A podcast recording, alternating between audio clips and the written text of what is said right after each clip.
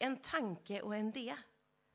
Att på något sätt, det som var viktigt i hans tro, i hans liv, att Jesus är så viktig, så angelägen att det här måste vi bara berätta för andra människor. Vi kan inte hålla inne med det. Vi måste dela med oss till Tranås av detta på något sätt. Och så delar han den idén.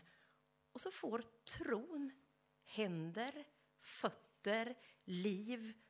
Och igår så är alla kyrkor i Tranås tillsammans och försöker på olika sätt berätta vem Jesus är. Och jag tycker att det hör ihop med det här temat för den här gudstjänsten. Tro och liv. En person som lever sitt liv och har valt att följa Jesus. På något sätt händer någonting där. Det här är inte bara teorier och idéer. Det måste också ut i handling, i praktiska saker. Dagens tema, tro och liv. Jag ska läsa evangelietexten som kommer ifrån Matteus 23, vers 1 till 12. Sen talade Jesus till folket och sina lärjungar och sa De skriftlärda och fariseerna har satt sig på Moses stol. Gör därför allt vad de lär er och håll fast vid det. Men handla inte som de gör, för de säger ett och gör ett annat. De binder ihop tunga bördor och lägger dem på människors axlar, men själva rör de inte ett finger för att rätta till dem. Allt vad de företar sig gör de för att människorna ska lägga märke till dem. De skaffar sig breda böneremsor och stora manteltofsar. De tycker om att ha hedersplatserna på gästabuden och sitta främst i synagogorna och de vill bli hälsade på torgen och kallas rabbi av alla människor. Men ni ska inte låta er kallas rabbi, ty en är er läromästare och ni är alla bröder. Ni ska inte kalla någon här på jorden för er fader, ty en är er fader, han som är i himlen. Inte heller ska ni låta er kallas lärare, ty en är er lärare Kristus. Den som är störst bland er ska vara de andra tjänare, och den som upphöjer sig ska bli förödmjukad, och den som ödmjukar sig ska bli upphöjd. Vi ber. Tack Gud för ditt ord som är levande och verksamt. Nu ber jag att du med din gode heliga Ande ska möta oss där vi är i våra liv med ditt ord och med allt det som sker i den här gudstjänsten. Så att det där får bli en kontakt mellan tro och liv. Amen. Jag tycker att vi har hört tre ganska tuffa texter idag faktiskt. När jag igår tänkte till, bara, Huff, det är lite såna här käftsmällstexter om man nu får säga det i kyrkan. Men man kan känna så, inte minst det som Per också läste från Gamla Testamentet och det Maria läste från Jakobs brev och det Jesus säger i Matteus evangeliet. Och jag ska kort röra mig vid de här tre och jag börjar i Jesaja. Och Jesajas bok skrev ju för ungefär 740 år sedan, 770 år sedan och Jesaja betyder, lyssna, Herren räddar. Och han räknas som den största av alla skriftprofeter. Och Jesaja, om man kort sammanfattar, vad handlar Jesaja bok om? Ja, det är dom. Det stannar ju inte där. Det kommer trösten och det landar i hoppet. 80 gånger citeras just Jesajas bok i Nya testamentet. Så vi förstår ju att det här är viktigt. Det som står i det gamla testamentet, även om texterna kan vara kärvare och lite svårare att ta till sig idag, så Jesus lyfter upp dem. De är viktiga, de angår oss också. Och den benämning som Jesaja använder på Gud, det är Israels helige. Det är så Jesaja benämner Gud. Israels helige. Och han använder det uttrycket mer än någon annan av profeterna i Gamla testamentet. Han är liksom koncentrerad till Guds helighet. Och kanske beror det på det där som händer när Jesaja blir kallad och som vi läser om i det sjätte kapitel i Jesaja. Han får en syn av Herren. Hur Gud sitter på sin tron och manteln uppfyller hela templet, hela Herrens rum, hela Herrens hus. Han sitter där högt upphöjd på en tron. Det är helt uppfyllt av Guds närvaro. Ovanför honom finns de här seraferna som ropar dag och natt. Helig, helig, helig är Herren Sebaot. Hela jorden är full av hans härlighet. Och när Jesaja är med om den synen så reagerar hela hans varelse. Han utropar ve mig, jag förgås. Kontrasten till sitt eget liv och Guds helhet blir så stor. Och så faller han ner och ropar för jag förgås. Men så kommer en av de där änglarna och har med sig ett kol och vidrör Jesajas läppar. Och så säger han, när detta kol rör vid dina läppar så blir din skuld borttagen och din synd är sonad. Och sen när kallelsen kommer och frågan, vem ska jag sända? Vem vill gå? Så säger Jesaja, se, här är jag, sänd mig. Jesaja är den heliges profet. Och det kanske är hans erfarenhet av just Guds helighet, totala renhet kunskapen om det, att Gud är så helig. Ren och fullkomligt hel i allt han är. Det kanske är hans erfarenhet av det som gör att han vågar säga de här oerhört tuffa orden till folket.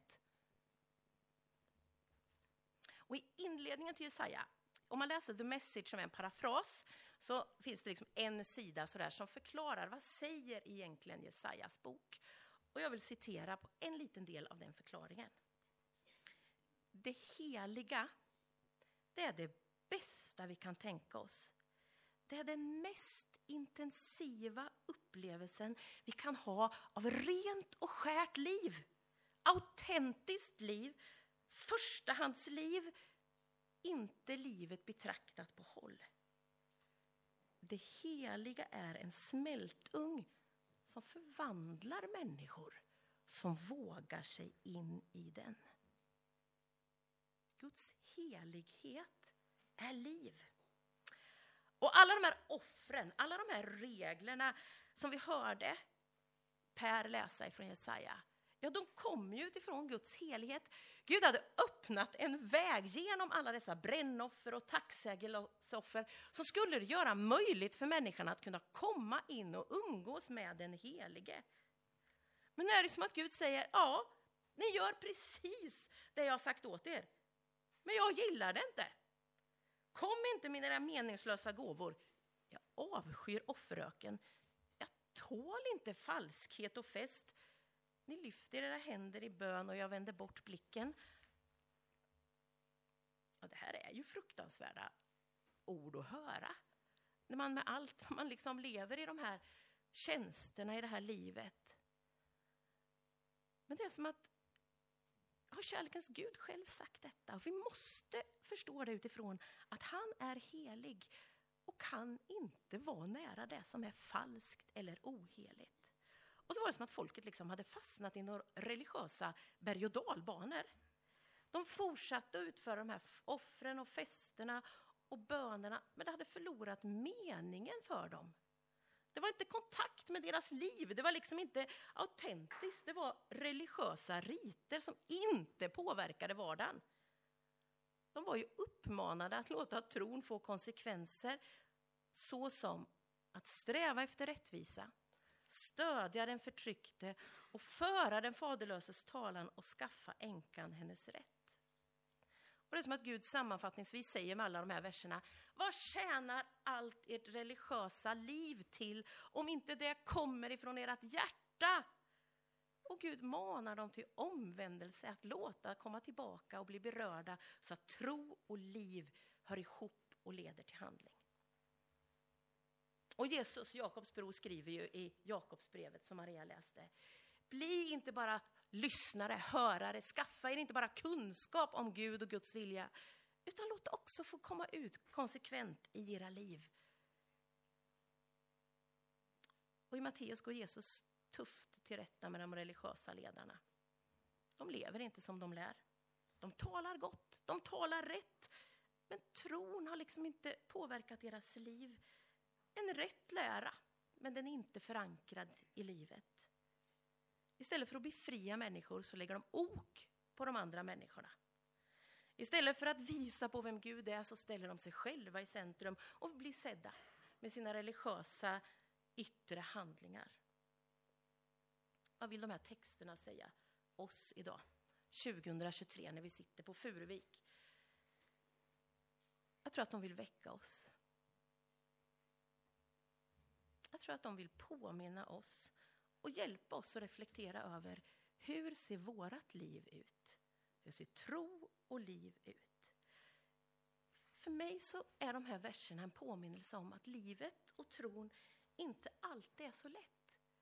Det är inte alltid så lätt att vara sann, äkta och genuin, det liv som vi längtar efter.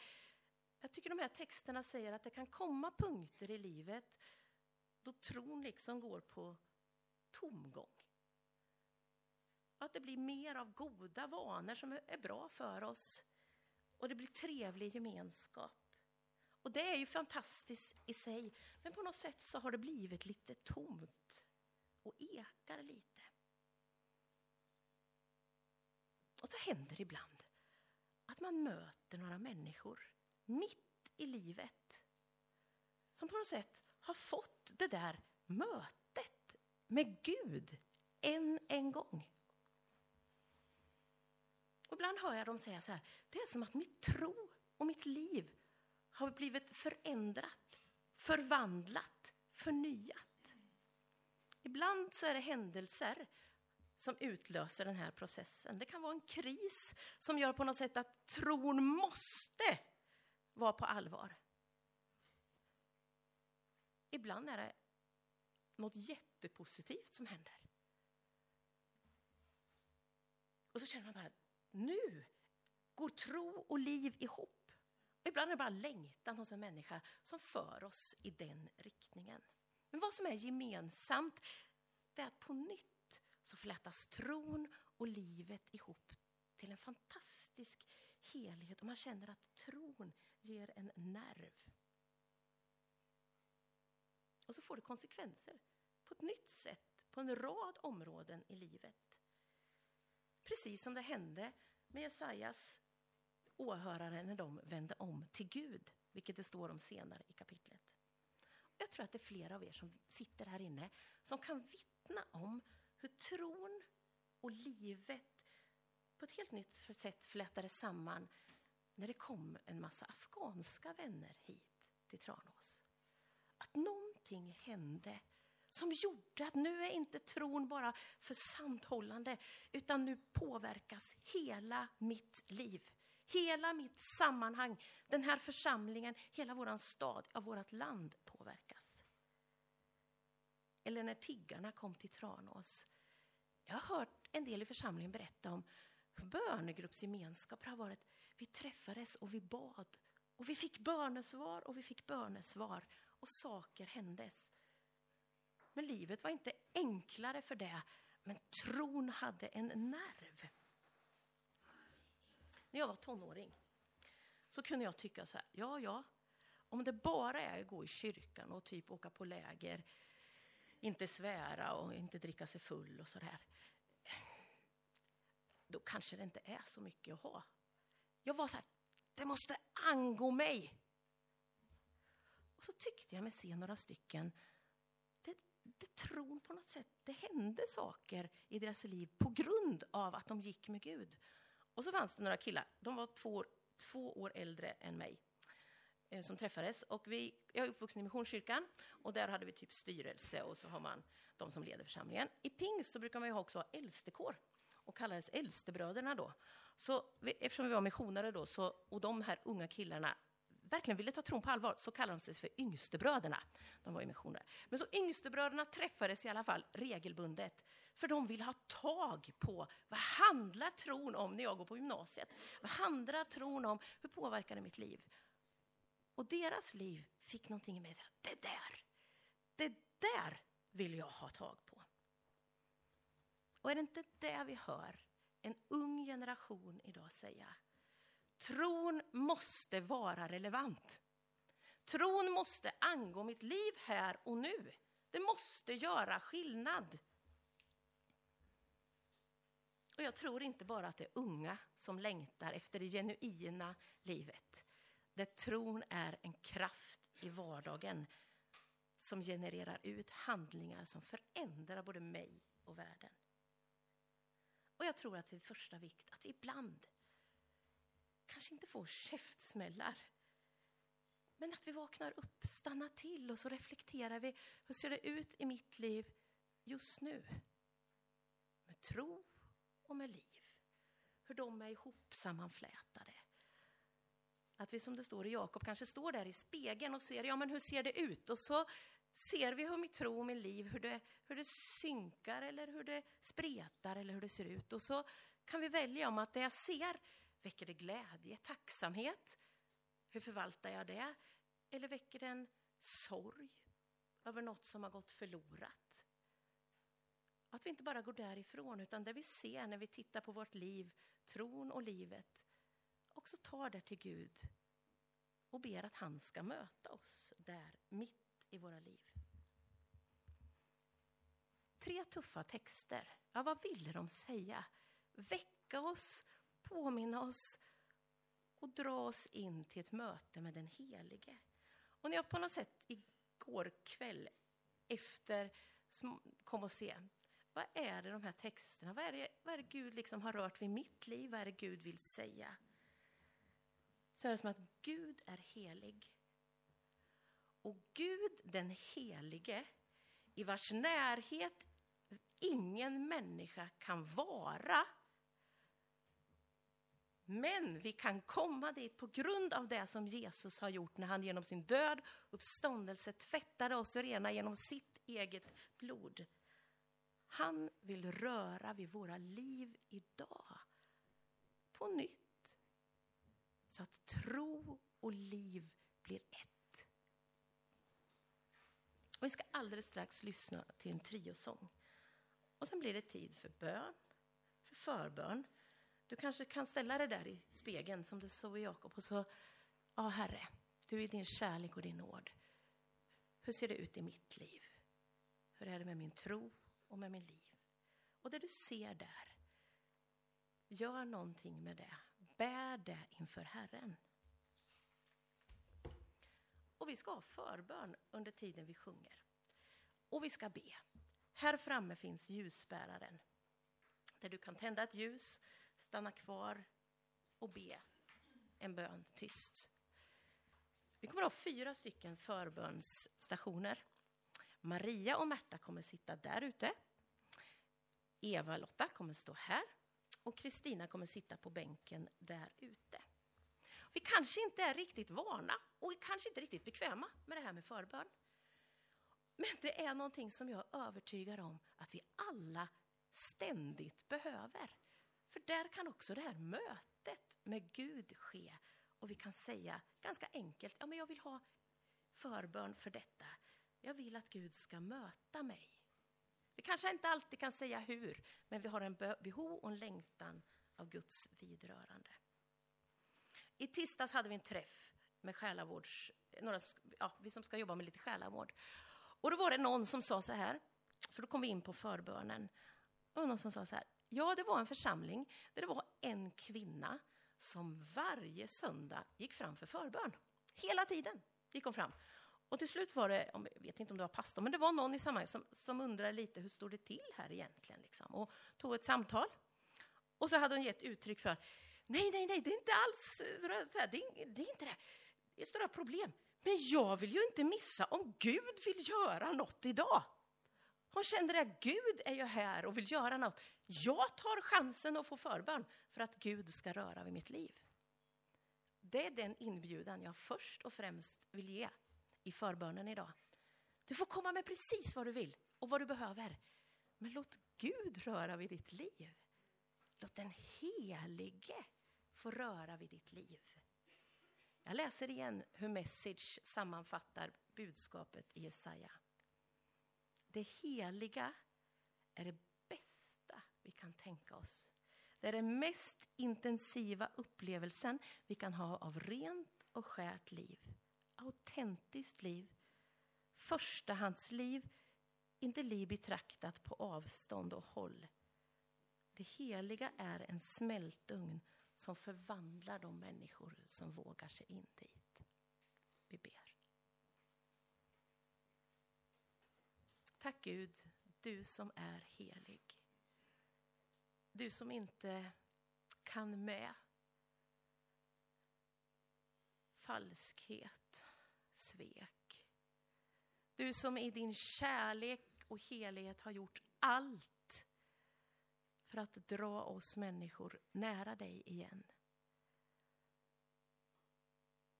Tack Jesus att du genom din död och uppståndelse öppnade vägen till Gud och renade oss. Tack helige Ande att du är Guds kraft verksam idag på jorden och att du just nu vill röra vid oss, leda oss så att tro och liv får bli ett. Och precis som vi bad förut, låt din vilja ske på jorden så som den sker i himmelen. Så behöver vi nu och då, ja, vi behöver varje dag, få det där mötet, det där vidrörandet av dig själv. Amen. Så nu när vi lyssnar till den här sången och kan få sjunga med och så fortsätter i lovsång